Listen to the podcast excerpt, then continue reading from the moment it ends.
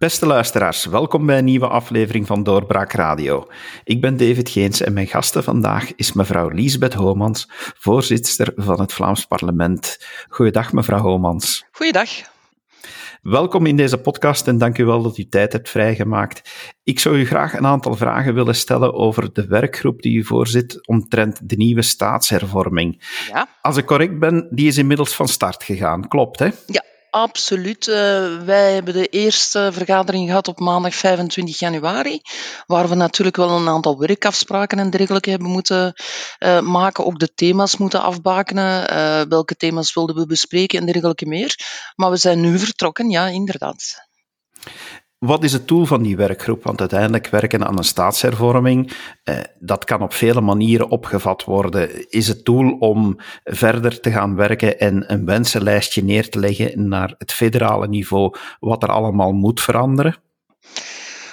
Ik denk dat wij als Vlaams parlement niet zozeer moeten werken uh, in functie wat wij gaan uh, voorstellen aan het federaal niveau, maar eigenlijk eerst naar onszelf moeten kijken. Daar bedoel ik mee, uh, in 1999 zijn er vijf redelijk ambitieuze resoluties, quasi unaniem, kamerbreed aangenomen in het Vlaams parlement. Natuurlijk, 1999 is al heel lang geleden. sommige zaken zijn er nog wel van ja, actueel, omdat die ook nog altijd niet gerealiseerd zijn. het is eigenlijk de bedoeling alvast mijn bedoeling als voorzitter om toch met een zo breed mogelijk gedragen document naar buiten te kunnen komen. In eerste instantie ook naar de Vlaamse regering, maar zeker ook naar de buitenwereld, ook naar de media, om te zeggen van kijk, dit is het oordeel van uh, een meerderheid in een meerderheid, welke meerderheid dat ook mag zijn, in het Vlaams parlement, eh, waarvan wij vinden van ja, op deze vlakken kan het toch veel beter. Want ik ben echt het, uh, de mening toegedaan en dat heeft uh, weinig te maken met het feit dat ik uh, voorzitter ben, niet alleen van het parlement, van het Vlaams parlement, maar ook van die werkgroep, is dat voor al wie het eigenlijk goed meent met de Vlaming, dat die eigenlijk totaal geen, geen genoegen kan nemen met de status quo. En, en de coronacrisis, jammer genoeg, heeft ons nog eens voor de zoveelste keer met de neus op de feiten gedrukt en aangetoond dat dit land gewoon niet meer werkt. Dat is inderdaad een feit dat iedereen nu vaststelt. De bevoegdheidsverdelingen die zijn soms zo versnipperd dat het gewoon onwerkbaar wordt. Dus ik kan me dan toch wel aan eh, of inbeelden dat homogene bevoegdheidspakketten, homogene bevoegdheidsverdeling, dat dat een van de grootste aandachtspunten is die jullie gaan hebben in die werkgroep. Ja, we hebben eigenlijk, uh, allez, ik, ik, heb drie grote thema's voorgesteld. Die zijn ook aanvaard, unaniem, uh, door de werkgroep. Een eerste thema is homogene bevoegdheidspakketten, coherente bevoegdheidspakketten zoals wil. En het tweede thema is financiële en fiscale autonomie. En dan een derde groot thema is welk toekomstig staatsmodel zien we eigenlijk. Maar uh, we zijn nu begonnen met het eerste grote thema, dus homogene bevoegdheidspakketten. En daar hebben we ook eh, besloten over welke bevoegdheden dat we het gaan hebben. En dat zijn er wel een aantal. Als jullie het dan hebben over die bevoegdheden en, en die verdere verdeling, ja. bekijken jullie dat met een open vizier? Want uiteindelijk op het federale niveau wordt gezegd dat er, dat er geen taboes zijn en dat er eventueel sprake kan zijn van een eh, herfederalisering of een herunitarisering. Maar kan dat ook die richting uitgaan in de Vlaamse werkgroep? Ja, mijn persoonlijke mening, en dan spreek ik niet als voorzitter van, van die werkgroep, uh, mijn persoonlijke mening, mening is wel dat herfederalisering niet de oplossing is. En zeker niet als het gaat over uh, de bevoegdheden die we bespreken in het kader van dat eerste thema, homogene bevoegdheidspakket. Dan gaat het bijvoorbeeld over gezondheidsbeleid, arbeidsmarktbeleid, cultuur, mobiliteit, energie, wonen, onderwijs, economie, uh, wetenschappelijk onderzoek en innovatie, buitenlandse handel, wat eigenlijk al heel lang een een expliciete Vlaamse bevoegdheid is. Alleen ja, zit er nog zo één instelling federaal, waar ze dan ook, ook in de vorige legislatuur uh, in de federale regering nog specifiek een staatssecretaris voor nodig hadden. Dus als u aan mij persoonlijk uh, vraagt als lid van de NVA, uh, eh, denk ik dat er van herfederalisering eigenlijk weinig sprake kan zijn. Is mijn persoonlijke mening. Dat is natuurlijk uw goed recht om, uh, om die mening te hebben. En uh, het is altijd goed dat er, dat er grondig wordt over nagedacht, over, over die homogene bevoegdheidspakketten. Want we hebben inderdaad gezien dat uh, een versnippering dat dat niet werkt en in het nadeel is van Vlaanderen. Dus daar volg ik u in als die verdeling dan, dan verder moet, moet bekeken worden, is dat dan gebaseerd op die vijf resoluties van, van de vorige keer van, van 99? Om, om inderdaad te zeggen van jongens, laat het ons nu eens echt heel duidelijk maken van dit doet Vlaanderen en zijn Vlaamse bevoegdheden en dit zijn geen Vlaamse bevoegdheden? Moet, moet het echt een, een duidelijke opsomming worden van zulke bevoegdheden? Eh, zoals ik daarnet al heb gezegd, eh, dus die resoluties die, die waren heel ambitieus, maar 1999 is al lang geleden natuurlijk. Hè. Ik denk dat het eigenlijk vooral, alleen mijn betrachting is toch wel, als we spreken over homogene bevoegdheidspakketten, om het woord homogeen in deze zeer letterlijk te nemen. Ik ga u één, het gezondheidsbeleid kunnen we ons van alles bij voorstellen dat al maanden aan een stuk zien we, eh, lezen we in de kranten, zien we op de televisie, verschillende televisiezenders, hoe raar dat de bevoegdheidsverdeling eigenlijk in elkaar is. Uh, ziet bijvoorbeeld, wij zijn als Vlaanderen niet bevoegd voor het bestellen van, van uh, vaccins of zelfs nog maar voor de spuiten om ze te kunnen toedienen, maar we zijn wel bevoegd om het te doen. Dus ja, allee, dat is heel bizar, maar gezondheidszorg, ik denk dat de meeste mensen zich daar wel iets kunnen bij voorstellen. Maar een ander zeer concreet voorbeeld is wonen.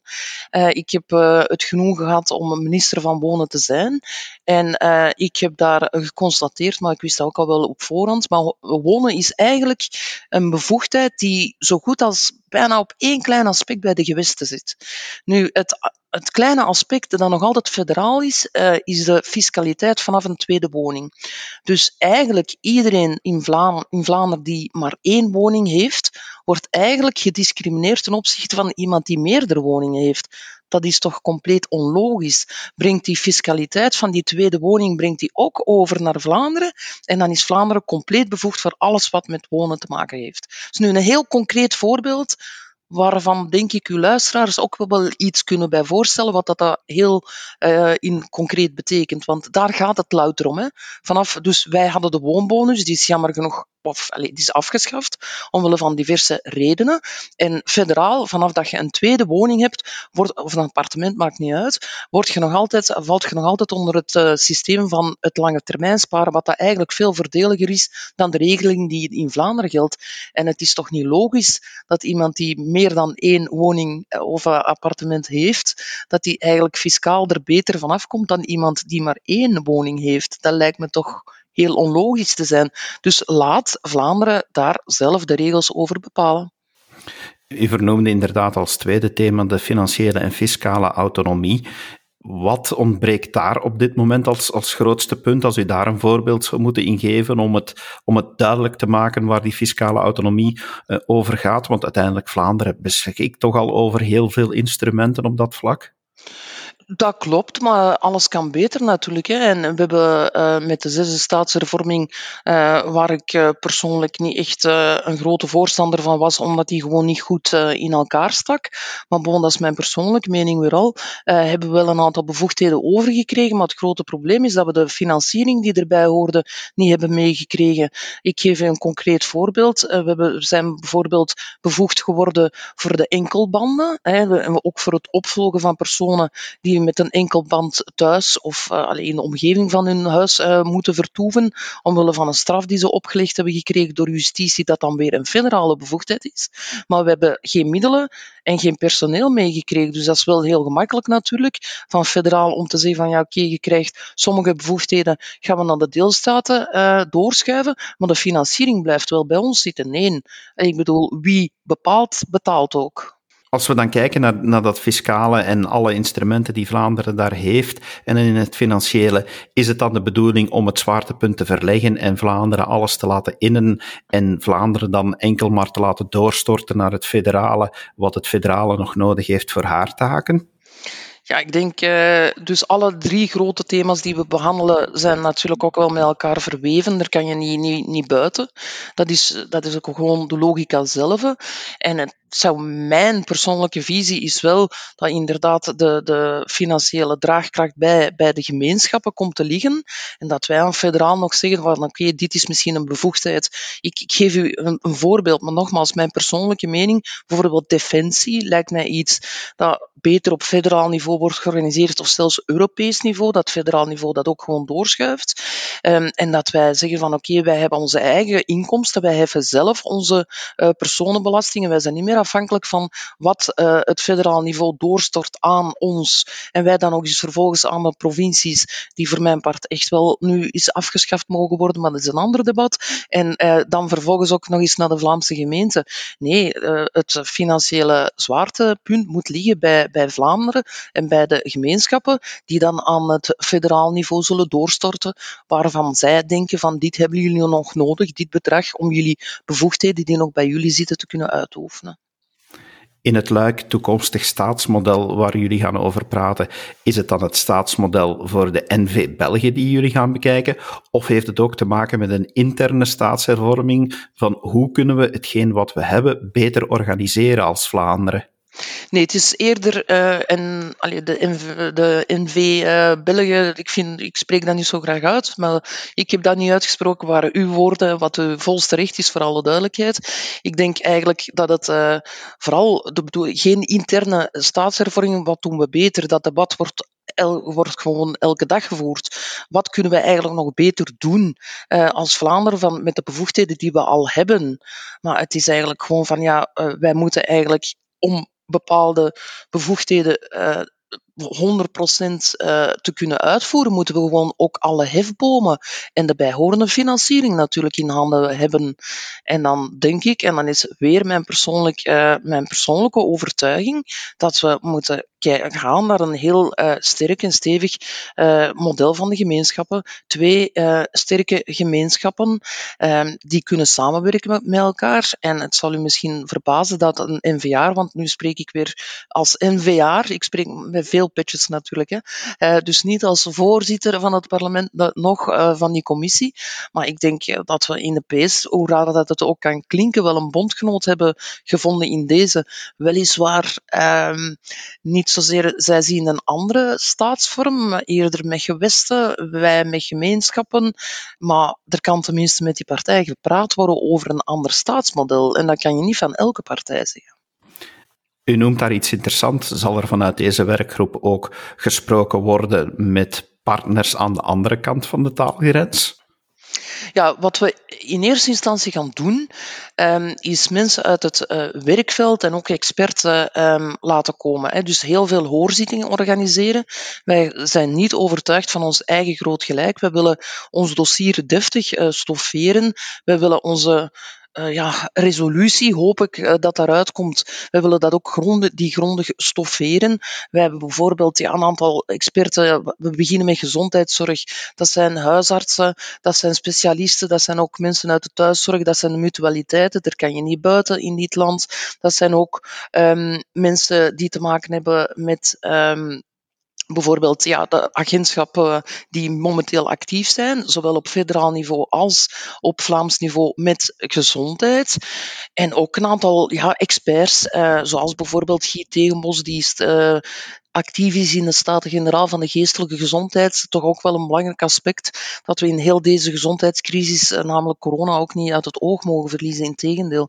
Dus wij gaan ons heel werk met heel veel voor, uh, hoorzittingen, excuseer. Uh, dus gezondheidszorg heb ik u gezegd, arbeidsmarkt gaat net hetzelfde zijn. En elke fractie mag, elke erkende fractie die uh, vertegenwoordigd is in die werkgroep, mag voorstellen doen. En ik doe dan als voorzitter van die commissie, doe ik dan ook een voorstel van kijk, um, hier gaan we het mee doen, kan iedereen zich erin vinden. En tot nu toe is dat eigenlijk al aardig gelukt. Maar we hebben nog wel heel veel werk voor de boeg.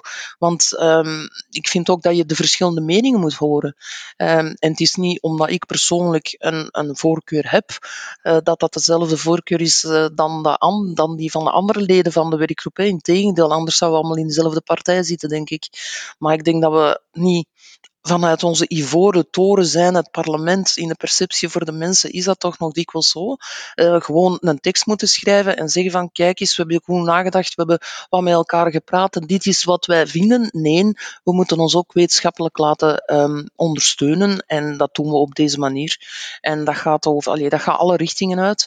Mensen die pro um, herfederalisering zijn, maar langs de andere kant ook mensen die uitgesproken voor regionalisering zijn. Dus het kan nog heel interessant uh, worden.